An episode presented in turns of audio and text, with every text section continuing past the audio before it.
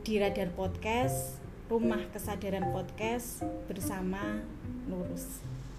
Masih melanjutkan episode sebelumnya, hari ini kita masih akan membahas tentang inner journey.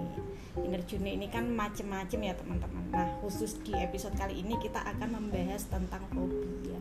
Kenapa sih fobia dibahas di sini? Karena fobia itu cukup mengganggu bagi sebagian orang. Nah, ini kita kedatangan teman dari PCI juga yang akan bercerita tentang fobia. Halo Bu Dini. Ya Mbak Nurul, selamat siang. Siang. Sehat Bu? Alhamdulillah lebih luar biasa setelah di apa eh, progresif kesadaran itu menyembuhkan fobia kucing fobia pada binatang kucing. Oh gitu, fobia pada binatang kucing. Kayaknya Iya. ini ya memang banyak banyak sekali cerita-cerita fobia pada binatang tertentu Iya, gitu ya. Betul, Mbak. Nah, boleh diceritain Bu gimana tuh ceritanya awal kenal awal menyadari kalau ternyata fobia sama kucing itu gimana? Ya itu terjadi persisnya kapan ya Mbak? Tapi sudah lama sekali saya rasakan itu ketika lihat binatang kucing. Padahal kan banyak ya yang suka ya binatangnya itu imut, Lucu, lucu gitu ya, jadi kan. teman Iya, biasanya. mm. Tapi kok bagi saya itu nggak bisa seperti itu ya. Hmm. Jadi ketika lihat kucing, kalau dia dari jauh itu nggak apa-apa. Hmm. Tapi ketika kucingnya itu mendekat, Hmm. apalagi kalau sudah tatap-tatapan mata ya Mbak, Wih, biasanya itu apalagi matanya Wah, kelihatan itu ya. itu tuh eh, si kucing itu pasti "Wah, nanti masih mau mendekati ke saya nih. Wah itu Hmm. saya sudah ancang-ancang makanya saya nggak pernah lihat mata kucing, itu. Ha. Hmm. Nah, bayangan saya itu ketika dia mendekat, pasti dia nanti jalan-jalan akhirnya sampai ke tubuh saya, nempel di badan saya, nempel di baju saya. Itu tuh kan ada kuku-kuku kecilnya itu mbak. Hmm, hmm, hmm, Itu nempel kok susah lepas gitu ya. itu bikin saya itu, aduh gimana? Berarti kalau dari jauh itu masih nggak apa-apa, maksudnya Nggak lihatnya masih lucu, iya. cuman bayangan tiba-tiba Lucu juga enggak, mendekat. Mbak. Oh, enggak juga Enggak, ya. Tapi eh, rasa takut itu nggak ada kalau dia jauh. Hmm. Tapi begitu dia mulai mendekat itu badan saya seringnya langsung kaku. Hmm. Kan aneh ya. Hmm, hmm, hmm. Maksudnya eh, binatang kecil seperti itu sampai bisa membuat badan segede saya gini ini kaku tegang nggak bisa ngapa-ngapain hanya mulutnya aja yang bisa minta tolong Hmm. gitu Itu berarti sering ganggu ya, Bu? Berarti tiba-tiba kucing lewat gitu langsung takut gitu. Iya, jadi saya tuh nggak eh, apa eh, jadi nggak bisa memberi kesempatan pada anak saya untuk memelihara kucing. Kucing, Padahal oh. ya, kucing itu kan anu ya salah satu biar eh, untuk latihan anak-anak itu punya rasa kasih ke kasih binatang gitu ya. Hmm, Tapi anak-anak memang sempat minta izin buat ini. pernah minta izin dan saya itu berusaha karena ber- sudah, berusaha untuk memperbaiki hubungan dengan Kucing. kucing, jadi saya pernah mengizinkan anak-anak punya kucing Hmm. tapi lucunya itu ketika mereka berangkat sekolah saya nggak bisa ber berduaan dengan dia jadi Oh. saya merasa aman ketika dia saya kandangkan Oh, gitu. Oh, lah dari itu tuh ketika masuk rumah saya lihat matanya gitu tuh aduh saya kok nggak tega ya? Karena saya tahu sebetulnya dia nggak nyaman di kandang itu tapi ketika saya keluarkan saya yang nggak nyaman gitu kan? Jadi akhirnya ya sudah saya nggak tega. Seminggu apa dua minggu cuma di rumah Mm-mm. diberikan ke temannya Hmm. kakak. Karena begitu anak-anak pulang sekolah itu dikeluarkan dari kandang gantian saya yang ngandang di kamar mbak Oke, oke. sampai oke. sampai mereka puas mainan sama kucing dimasukkan kandang lagi baru saya keluar dari kandang saya Oh, oke. Berarti malah itu siapa yang punya rumah nih? Iya, Kucingnya atau Bu betul. Dini?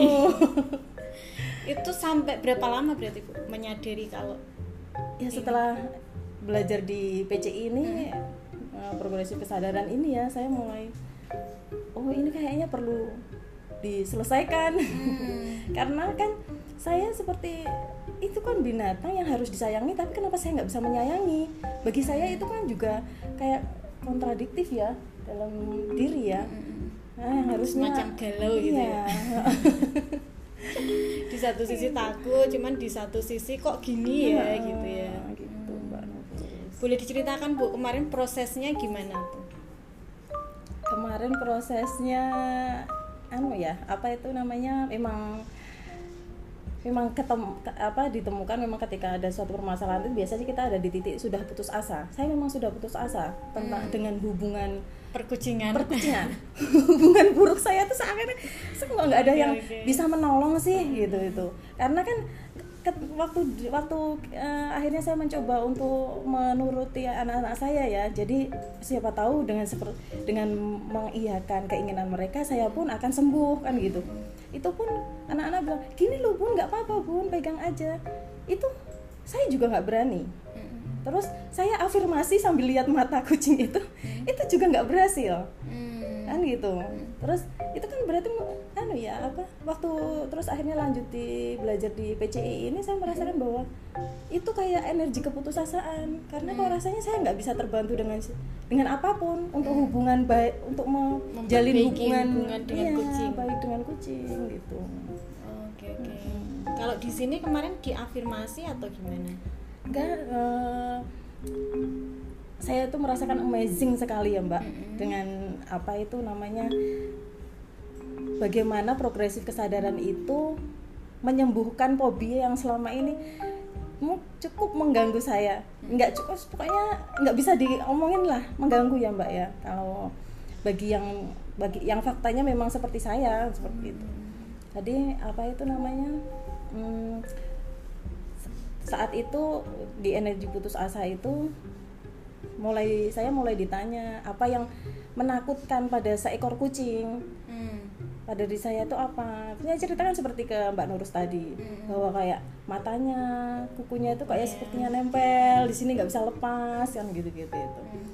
terus Bang Aswar memberi pengetahuan baru bahwa kucing itu itu eh, hewan yang matanya seperti itu tuh karena butuh pertolongan butuh perlindungan Hmm. Eh, kuku-kukunya pun kecil bukan kuku-kuku yang bisa merobek seperti binatang buas. Jadi ke- kekeliruan saya pemahaman selama ini tentang kucing itu cukup membantu sekali. Apa itu namanya? Eh, kesa- pro- progresif kesadaran saya naik. Hmm. jadi Bang Aswar tuh memberikan pengetahuan tentang kucing bahwa kucing itu bukan binatang buas. Kuku-kukunya itu kecil-kecil tidak mampu merobek daging gitu.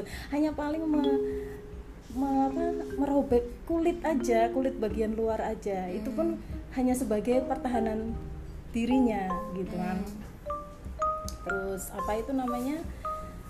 Eh, suaranya itu juga karena bukan lengkingan yang mengaung seperti binatang buas. Itu suara yang dikeluarkan karena dia minta tolong gitu kan. Hmm. jadi saya tuh waktu mulai sudah itu saya lang perenungan gitu itu tiba-tiba saya tersadarkan bahwa apa eh, saya terlalu fokus pada objek kucing. Jadi yang selama ini itu eh, saya menil- masuk ke dalam nilai yang saya berikan ke kucing.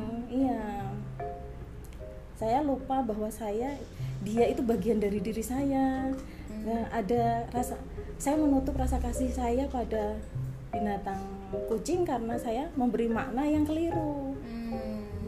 Oke oke. Pemaknaan itu kemudian dibenahi ya. Iya, Diberikan dibenahi, pemahaman diperbaiki, yang iya. baru sehingga ketakutan itu berubah menjadi kasih sayang. iya jadi Gitu ya. diberi pengetahuan baru Hmm, oke oke oke. Berarti sekarang sudah jadi sayang sama kucing, Bu. alhamdulillah melihat pun like dia lewat itu sudah bisa pegang halus halus, Oh, gitu. berarti ini nan- udah cerita ke anak-anak. udah Oh, anak-anak seneng dong. seneng Berarti anak-anak langsung seneng wah habis ini bisa melihara kucing Iya, lagi nih. benar insya Allah Oh, Oke oke, pengalaman yang menarik ya Bu. Gimana yang awalnya takut, kemudian diberikan pemahaman baru dan akhirnya tumbuh kasih sayang Iya. itu. Gitu. Nah Bu, ini boleh nggak kasih pesan ke teman-teman yang mungkin masih memiliki fobia, terus sedang putus asa mungkin ya, kok aku fobia ini nggak sembuh-sembuh sih gitu. Mungkin Bu Dini yang sudah pernah merasakan itu bisa kasih pesan ke teman-teman yang sedang mendengarkan. gitu ya Mbak Nurus ya Mhm. Eh, kita yang mengalami fobia ataupun mengalami ya gangguan apa pun lah Hmm. biasanya kita sering mencari obat yang nggak pas ya. Dari satu terapi ke terapi yang lain. Dari tapi ternyata tanpa kita harus eh, apa ya mbak? Eh, tanpa harus kita ke mana-mana. ke mana-mana itu ternyata progresif kesadaran yang sudah ada pada diri kita itu bisa menyembuhkan. Hmm. Oke, tinggal oke. kita dan di PC ini saya merasakan tempat yang tepat untuk berbagai permasalahan Oke, yang oke. sudah ada termasuk fobia ini. Berarti tidak perlu ke mana-mana. Cukup progresif kesadarannya saja yang dirubah dan itu belajar di PCI gitu ya. Oke. Oke untuk hari ini pelajaran dari Budini mungkin bisa kita ambil teman-teman gitu. Nah kalau teman-teman punya fobia yang lain boleh nanti DM atau komen atau hubungi kami lah lewat beberapa sosial media kami jadi nanti kami akan membantu prosesnya gitu. Oke, ini bisa sesi session satu nanti bisa dilanjut yang kedua berikutnya untuk lebih dianalisa lagi. oh ya Gimana? Eh, setelah ini mungkin nanti dengan Bang Aswar ya untuk analisisnya gitu. Jadi untuk episode kali ini sementara cukup di sini. Semoga apa yang kami sampaikan memberikan manfaat buat teman-teman. Sampai ketemu lagi.